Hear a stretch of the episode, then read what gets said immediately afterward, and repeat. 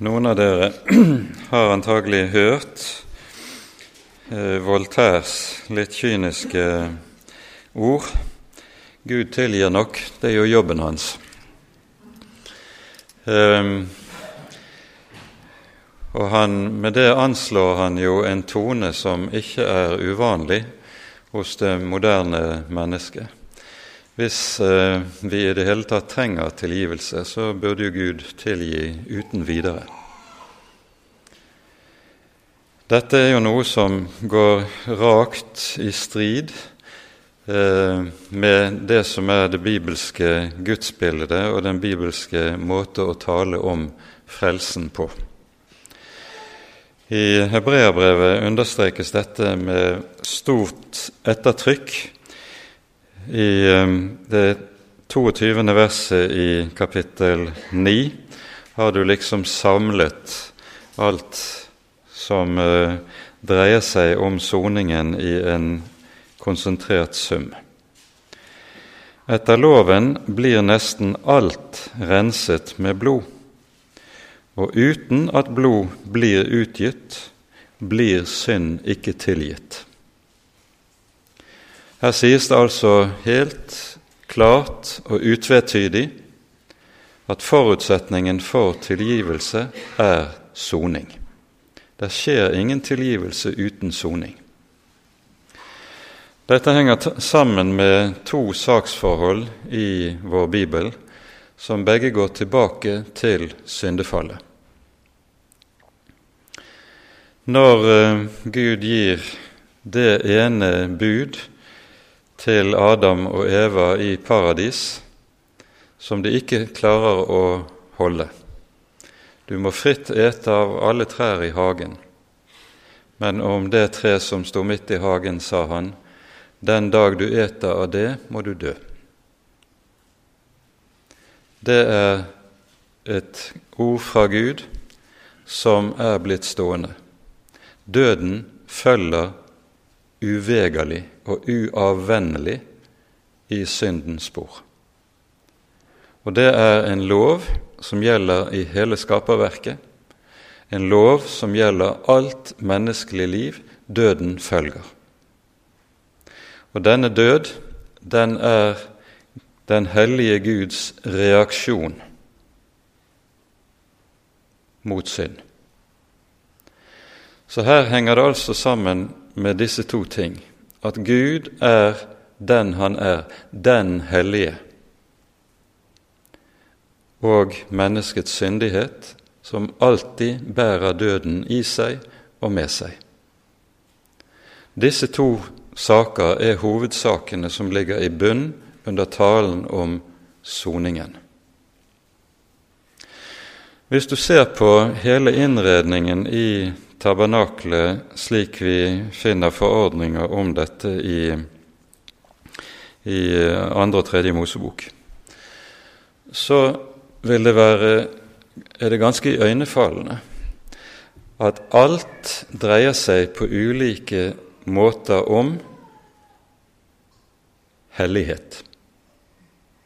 Det dreier seg om at den Gud som har lovet å bo her, er den hellige og det som er hans gjerning i tabernaklet, ved soningens tjeneste, det er å hellige folket for sitt navn. Dette er Guds gjerning, og det er det alt handler om. Og Helligheten anskueliggjøres på ulike vis. Den viktigste delen i dette er jo at adgangen inn til det aller helligste er stengt. Og Dette er jo en anskuelsesundervisning om nøyaktig det samme som skjedde på fallets dag, der Adam og Eva etter fallet vises ut fra hagen. Og så setter Herren kirubene med det luende sverd for å vokte veien, vokte adgangen til livets tre. Gud stenger veien.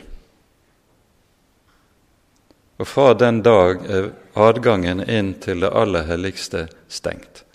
Stengt av fall, stengt av synd. Stengt fordi Gud som den hellige ikke kan finnes sammen med synd. Gud og synd er som ild og vann, de går ikke i hop. Og Slik taler Skriften om hvem den hellige Gud er. Og nettopp dette er jo noe som i uhyre stor utstrekning nesten er glemt innenfor dagens kristenhet.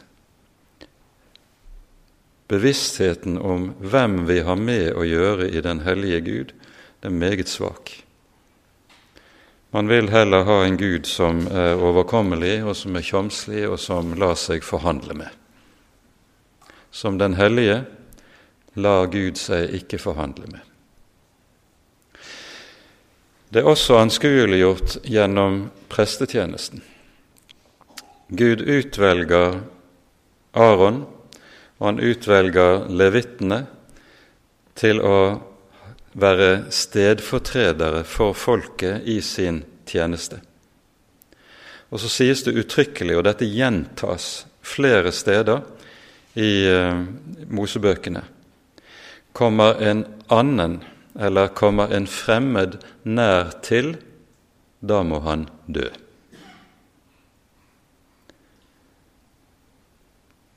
adgang forbudt for uvedkommende i det hellige rom, for å si det kanskje med en litt halvveis flåsete måte. Prestetjenesten er innsatt stedfortredende fordi intet menneske av folket har lov til å tre Herren nær. Han er den hellige. Der må stå noe mellom den hellige Gud og synderen for at synderen ikke skal fortæres i døden under vreden. Og Det var jo dette vi leste fra 4. Mosebok 18, at Aron er innsatt for at det ikke skal komme vrede over Israels barn. Mellommannen er så å si bufferen mellom den hellige og synderen, som avverger døden og som har som kall og som oppgave ved sin tjeneste å hellige Guds folk. For ved denne gjerning og tjeneste helliges folket. Når Skriften taler om synd, så er det slik at det brukes et særegent uttrykk for dette i eh, lovgivningen, i, særlig i Mosebøkene. Det står f.eks. i lovgivningen om offeret i 3. Eh, Mosebok kapittel 3 og skyldoffer i kapittel 4 dersom noen synder og pådrar seg skyld. Det uttrykket som er oversatt med 'å pådra seg skyld', det er på hebraisk et uttrykk som bokstavelig eh, oversatt betyr 'å bærer synd'. Synden er nemlig av en slik art at når den er gjort, så ligger den ikke bak deg i tid, men den ligger på deg som en byrde. Skyld, det som er oversatt med å være skyldig, det er altså et uttrykk som bokstavelig betyr at da bærer synderen sin synd. Synden er med andre ord, og det er det hebraiske språket som gir uttrykk for dette Synden er å forstå som en byrde som knuger synderen ned. Og vi forstår, med bakgrunn av det vi har sagt om syndefallet, det knuger synderen ned i døden. Det eneste håpet for synderen er at han kan løses fra denne byrde. Det som da skjer i offerlovgivningen, det er at Gud har lovet å gi en stedfortreder for synderen. En stedfortreder skal dø i stedet for synderen. og det er syndofferet. I Tredje Mosebok 3 og 4 leser vi de grunnleggende lovene for syndofferet. Og de, disse omsettes så i praksis eh, når vi kommer til den store forsoningsdagen som omtales i Tredje Mosebok kapittel 16. Hva er det som skjer med syndofferet? Dersom noen har syndet, det nevnes ulike kategorier i, i folket, det behøver vi ikke å, å gå inn i. Men synderen skal komme med et lyteløst lam. Poenget er det skal være lyteløst. Det at det er uten lyte skal være forbildet på at offeret som bæres frem, det er rent, det er skyldfritt. Så skal den bæres frem i helligdommen, og da skal synderen legge sine hender på offerets hode. Han skal så bekjenne sine synder over offerdyret. La oss si at det er et lam.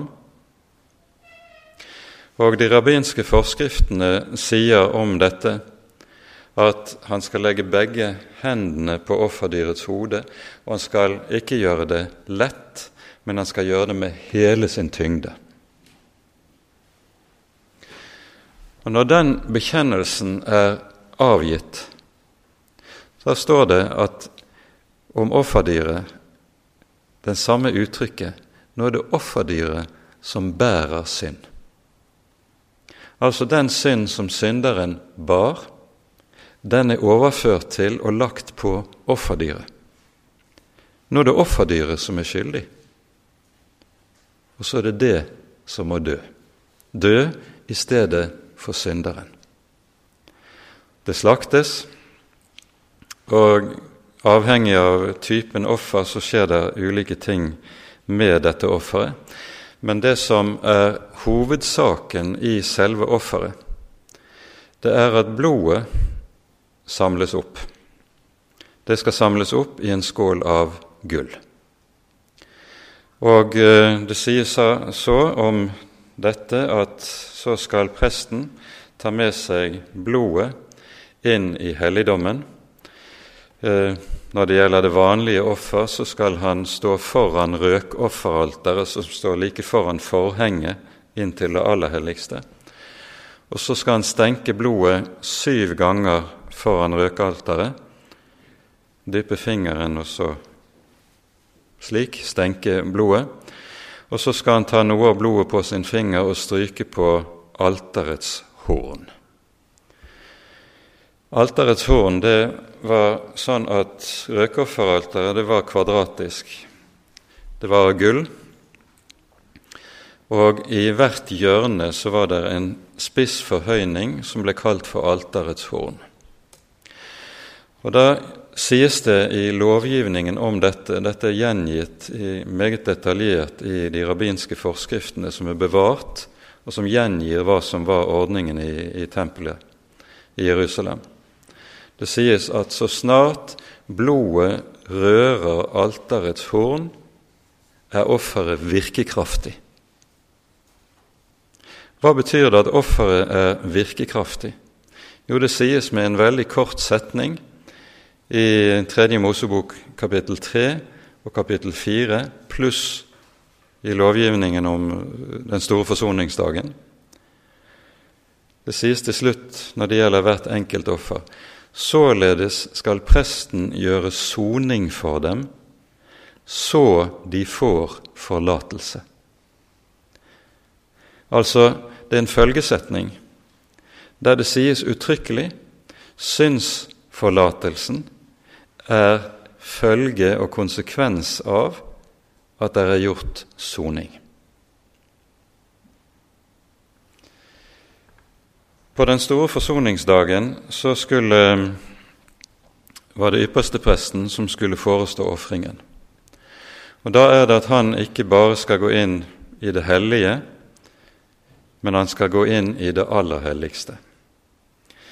I det aller helligste står nådestolen som vi kaller det, som er lokket på paktens ark, På nådestolen står, eh, er det festet kjeruber, som er de engler som stengte veien inn til livets tre når Adam og Eva vises ut av paradiset. Først skulle han, ypperste presten, gjøre soning for seg selv og sine egne synder, og så skulle han gå inn med blodet for folkets synder. Og Da beskrives det i rabbinernes forskrifter, for de bevarer jo forskriftene for alt som skulle skje inne i, i helligdommen etter at eh, tempelet ble jevnet med jorden, så er de meget nøye med å bevare alt som meget detaljert lovgivningen for hvorledes alt skulle foregå. Så sies det hvorledes ypperstepresten skulle gjøre det når han stenket blodet der inne i det aller helligste. Han skulle stenke blod syv ganger på nådestolen, og det skulle skje slik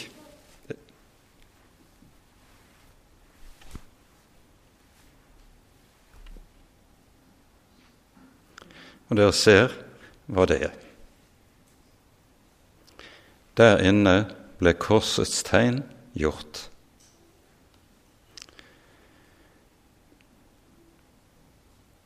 I dette ligger det jo uhyre klart uttalt forbildet, og hva dette forbildet handler om. For når hebreerbrevet taler om Kristi offer, så taler det om nettopp at dyr av okser og kalver og sauer det kan jo ikke gjøre dem fullkomne som det ofres for menn. Og Nå skal vi lese fra kapittel 9.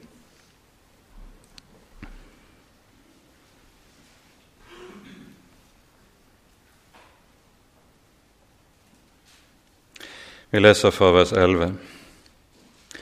Da Kristus kom som ypperste prest for de goder som skulle komme, gikk han gjennom det telt som er større og mer fullkomment, som ikke er gjort med hender, det vil si, som ikke er av denne skapning, ikke med blod av bukker og kalver, men med sitt eget blod, gikk han inn i helligdommen en gang for alle og fant en evig forløsning.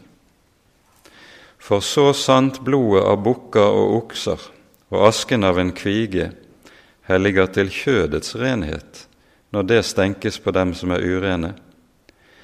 Hvor meget mer skal da Kristi blod, han som i kraft av en evig ånd bar seg selv frem for Gud som et lyteløst offer, rense vår samvittighet fra døde gjerninger, så vi kan tjene den levende Gud. Først bare en kort bemerkning om dette uttrykket som vi hører her i vers 14 døde gjerninger. Synden kalles ikke for onde gjerninger. Det tales ikke om syndige gjerninger, men det kalles, tales altså om døde gjerninger. Hva er døde gjerninger? Det er alle de gjerninger som det falne mennesket gjør enten de ytre sett ser stygge ut, onde ut, eller de ser pene, pyntelige og menneskelig talt gode ut. Uansett om det er det ene eller det annet, så er gjerningene døde når det kommer fra det gamle mennesket, det naturlige mennesket. Hvilket også innebærer helt konkret at selv våre beste gjerninger ikke kan ha den aller ringeste betydning med tanke på det å få og motta syndenes forlatelse.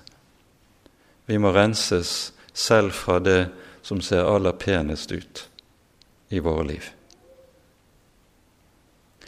Så vi skal renses fra døde gjerninger.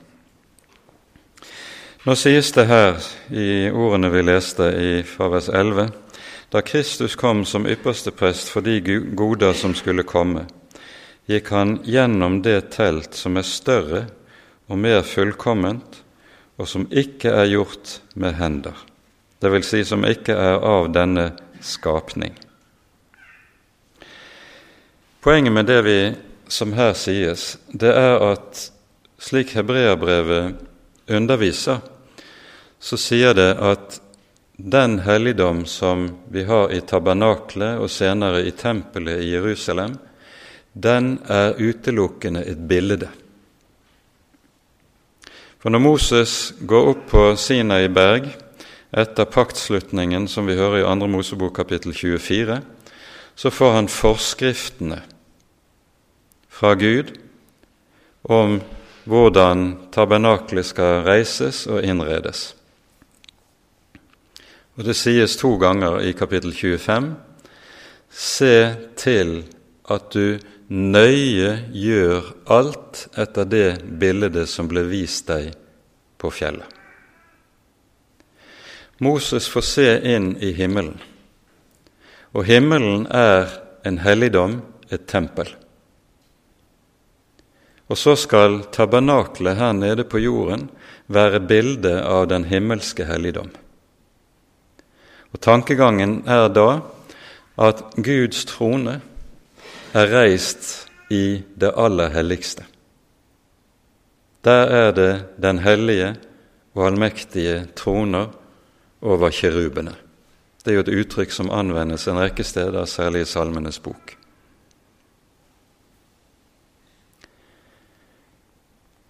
Sånn at tankegangen er da den at når, den, når ypperstepresten på den store forsoningsdagen går inn i det aller helligste med blodet av lammet, så dette er et bilde på at når Kristus dør, så er han lammet som ble slaktet, samtidig som han er øverstepresten som stiger inn i himmelen med sitt eget blod og blodet stenkes for Guds ansikt, og slik bringes det en evig forløsning. Når blodet skal bringes inn i helligdommen, så henger dette sammen med at dette kalles jo for i Bibelen å tre inn for Guds ansikt. Hvorfor det? Tankegangen er den at når det handler om synden, så er Gud den forurettede part. Synd er, slik Bibelen beskriver det, majestetsforbrytelse. Derfor er det David kan formulere seg sånn som han gjør i Salme 51, når han sier:" Mot deg alene har jeg syndet. Dette sies i denne salmen som taler om synden i forbindelse med Batseba og Uria. Har ikke David syndet mot mennesker? Vitterlig har han gjort det. Han har sørget for drap sågar. Og Likevel så sier han her i Salme 51.: Mot deg alene har jeg syndet. Når han får så å si det perspektivet over eget liv, eget hjerte og hva han selv har gjort, så ser han at det synd er mer enn alt annet, så er det majestetsforbrytelse. Det er Gud som er den fornærmede part, personlig krenket av våre overtredelser. Og så er det da slik med alt som er av urett, det er den krenkede part som også er den som må tilgi, som det må gjøres opp med. Og Derfor er det sånn at i offertjenesten så trer en inn for Guds ansikt, for at Gud som den krenkede part skal forsones. Og det skjer en død til soning for synd. Og I tråd med dette er det da også slik at det utelukkende er Gud som kan og har rett til å tilgi. Derfor finner vi et særegent trekk ved begrepet for tilgivelse i Det gamle testamentet. Det er verbet 'salah', som eh, betyr å tilgi.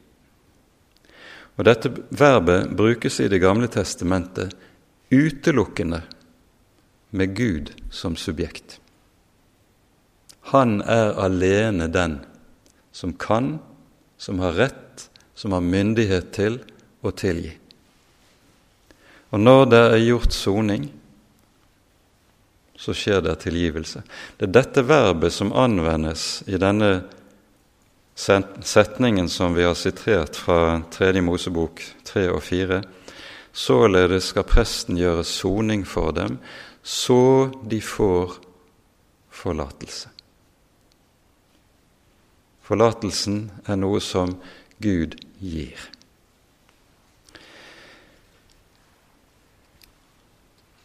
Ordet soning i parentes bemerket er det viktig å være klar over at det er forskjell på betydningen i ordet soning og i ordet forsoning. Soning er det som skjer når offerdyret slaktes og utgyter sitt blod til syndenes forlatelse. Forsoning er frukten av at det er skjedd soning. Forsoning dreier seg om at to parter som ikke har vært forlikt, blir forlikt. Så forsoningen er en frukt av soningen. Og konkret i Bibelen betyr det at fred med Gud, det er frukten av at det er gjort soning i Kristi blod. Ordet soning i Det gamle testamentet det er et verb å sone som bokstavelig betyr å skjule eller dekke. Når synden er sonet, så er den altså skjult.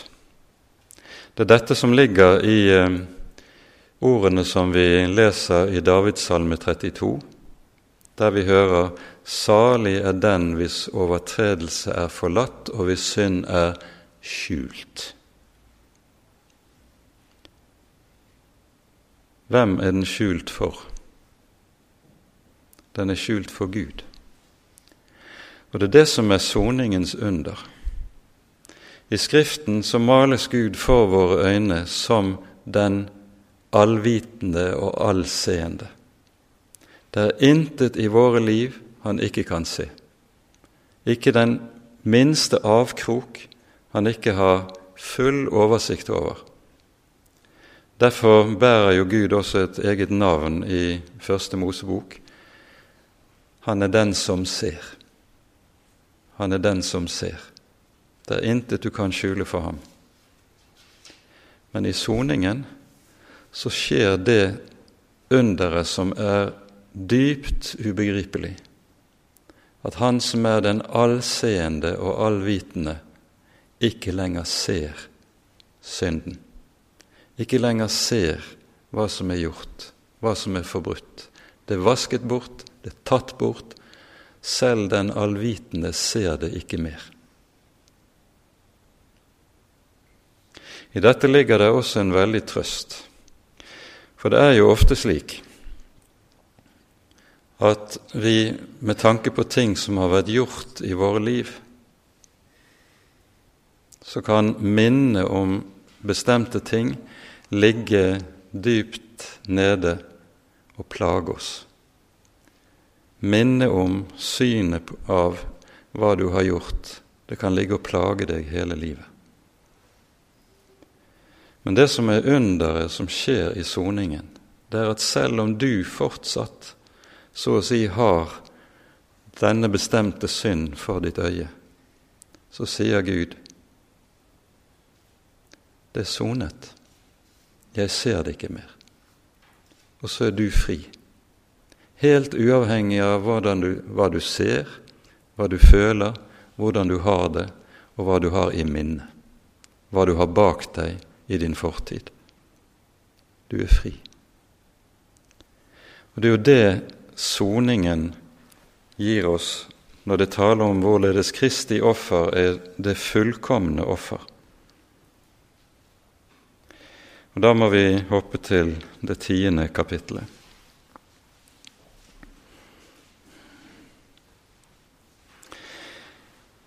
Først innleder kapittelet med å peke på ny på hvorledes offertjenesten i det gamle pakt bare er en skygge, derfor bare gjelder til en tid, og så avvikles når det som det er bildet på, trer i kraft. Og Så kommer det et sitat fra Salme 40, der Messias taler og sier 'Jeg kommer for å gjøre din vilje, Gud'. Vi leser fra vers 9. Deretter sier han, Se, jeg kommer for å gjøre din vilje. Slik tar han bort det første for å la det andre stå fast. Ved denne vilje, altså ved at Kristus har oppfylt Guds vilje, er vi blitt helliget ved Jesu Kristi legeme, som ble ofret en gang for alle. Ved at Jesus har oppfylt Guds vilje, er du og jeg blitt helliget. Det er i tråd med dette at Det nye testamentet kaller de troende for de hellige. Det er ikke fordi de er hellige i seg selv. Det er ikke fordi de er spesielt fromme. Nei, de er helliget ved Kristi legeme, som ble gitt på korset for din og min skyld. Og så fortsetter det, og vi leser videre. Hver prest står daglig og gjør tjeneste og bærer mange ganger frem de samme offer som de, de som aldri kan bære bort synder.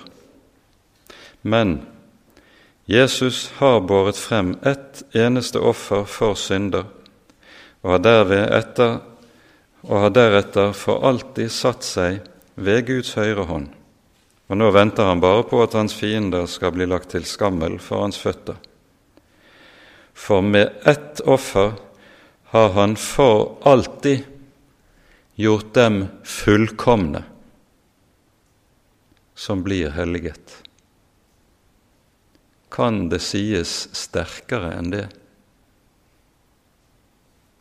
Når synden er tatt bort, skjult, så står du for Guds ansikt som om du aldri hadde syndet. Som om du var like ren som Adam var før han falt. Som om du var like skyldfri og syndfri som den Herre Jesus er. Forsoningen den bærer i seg nettopp at synden tas bort, tas bort fra Guds ansikt. Du renses og blir fullkomment ren for Kristi skyld. Du og jeg er aldri rene i våre egne øyne. Vi er aldri rene i oss selv. Og vi bærer gamle Adam med oss hele livet igjennom. Han er vi ikke ferdig med før vi ligger i graven. Og likevel Samtidig, fordi det er skjedd soning, så sies det her med ett offer har han for alltid. Ikke bare for en kort tid. Bare, ikke bare for så lang en tid som du føler at du, du eh, får til å leve som kristen. Nei, for alltid. Det gjelder her i tiden og inn i evigheten. For alltid har han gjort dem fullkomne, som blir helliget. Sterkere kan det ikke sies. Så fortsetter vi. Det vitner også Den hellige ånd for oss. For etter at han har sagt, Dette er den pakt jeg vil opprette med dem etter disse dager, så sier Herren, Jeg vil gi mine lover i deres hjerter og skrive dem i deres sinn og deres synder og deres lovovertredelser vil jeg ikke lenger minnes. Men der det er forlatelse for syndene, trengs ikke lenger noe offer for synd. Så kommer i de neste versene det som er hensikten med at det skjer soning. Brødre, vi har altså i Jesu blod frimodighet til å gå inn i helligdommen. Til den har Han innviet for oss en ny og levende vei gjennom forhenget. Det er Hans kjød. Og vi har en stor prest over Guds hus. Så la oss da tre frem med sannferdige hjerter, i troens fulle visshet, og med hjertet renset fra en ond samvittighet og legeme badet i vann. La oss da urokkelig holde fast ved bekjennelsen av vårt håp, for Han er trofast som ga løftet. Vi skjønner at det hebreerbrevets forfatter her viser til, det er hvorledes forhenget i tempelet revnet da vår Herre Jesus døde. Og Det som er viktig å være oppmerksom på i denne sammenheng, det er hva var det som var avbildet på forhenget, og som stengte veien inn til det aller helligste. Det var kirubene. Kirubene som sto der med det luende sverd og voktet veien, adgangen til livets tre de var avbildet på forhenget. Så når forhenget revner Det står uttrykkelig i alle evangeliene at det skjer fra øverst til nederst. Det er liksom det står en mektig hånd opp, høyt oppe, og så revner det. Og så er veien inn til det aller helligste åpen. Det er hensikten med soningen. At Gud åpner vei inn for sitt eget ansikt, slik at syndere fra nå av kan tre inn for den hellige Gud uten å måtte dø, ha adgang inn til den levende Gud, ikke som fremmede, men som barn som er helliget ved Guds sønn. Ha fri og åpen adgang og så kan han si, 'Jeg vil bo midt iblant dere, og jeg vil være deres Gud, og de skal være mitt folk'. Det grunnleggende eh, betegnelsen for prestetjenesten i Mosebøkene, det er at presten er den som kan tre Gud nær.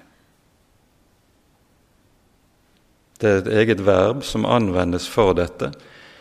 Og det sies altså, som vi allerede har sitert, dersom en fremmed trer nær, da skal han dø. Men det som nå skjer, der det er gjort soning, det er at de som var fremmede, ikke lenger er fremmede.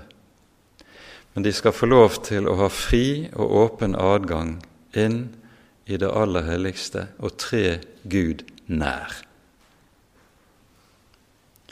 Og Det er dette som er bakgrunnen for det vi hører i 1. Peters brev og i Johannes' åpenbaring, at Guds folk kalles for et kongerike av prester. Nå gjelder nemlig det som bare gjaldt om prestene i den gamle pakt, de var de som i helligdommen kunne tre Gud nær. Nå gjelder det om alt Guds folk. Og Derfor sies det om den Herre Jesus i Efeserbrevet Jesus Kristus er vår frimodighet og vår adgang. I kraft av sitt kors har han åpnet vei. I kraft av Hans kors er det gitt fri adgang inn til den levende Gud. Det er soningens under. Og så kan vi tre frem, og vi minner på ny om ordene i kapittel fire, som jeg tror vi med rette kan si samler hebreerbrevets budskap i en sum. Da vi nå har så stor en ypperste prest som er gått gjennom himlene, Jesus, Guds sønn, så la oss holde fast ved bekjennelsen. For vi har ikke en ypperste prest som ikke kan ha medlidenhet med oss i vår skrøpelighet, men en som er prøvd i alt, i likhet med oss, men uten synd. La oss derfor, derfor, med frimodighet tre frem for nådens trone, for at vi kan få miskunn og finne nåde til hjelp i rette tid. Det er åpnet en adgang som ikke lenger stenges, i Kristi blod og for Kristi skyld. Han som er både ypperste prest og offerlam i én og samme person. Jeg tror vi kanskje til slutt skal minne om ordene i eh, det 13. kapittel i Hebreabrevet.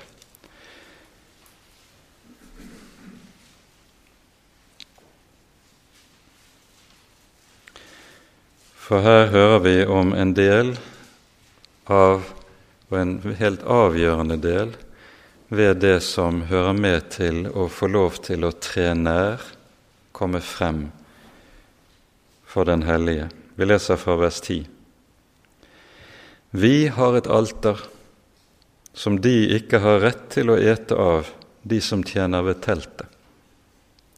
For offerdyrenes blod blir båret inn i helligdommen av ypperstepresten til soning for synd, men kroppene deres blir oppbrent utenfor leiren.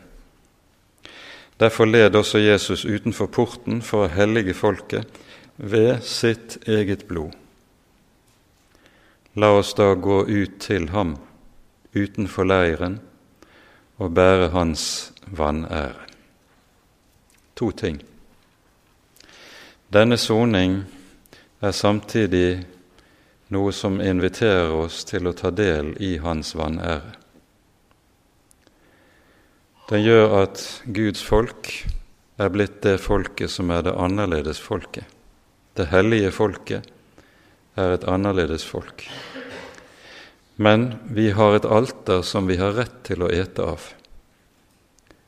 Dette er den ene gangen hebreabrevet gir oss et hint og et pek frem imot den hellige nadvær. Korset er det alter vår Herre Jesus døde på. I den hellige nadvær så rekkes oss offerlammets blod og kjøtt. Og vi får del i frukten av soningen. Syndenes forlatelse, liv og salighet. Ære være Faderen og Sønnen og Den hellige ånd, som var og er og være skal, en sann Gud, høylovet i evighet. Amen.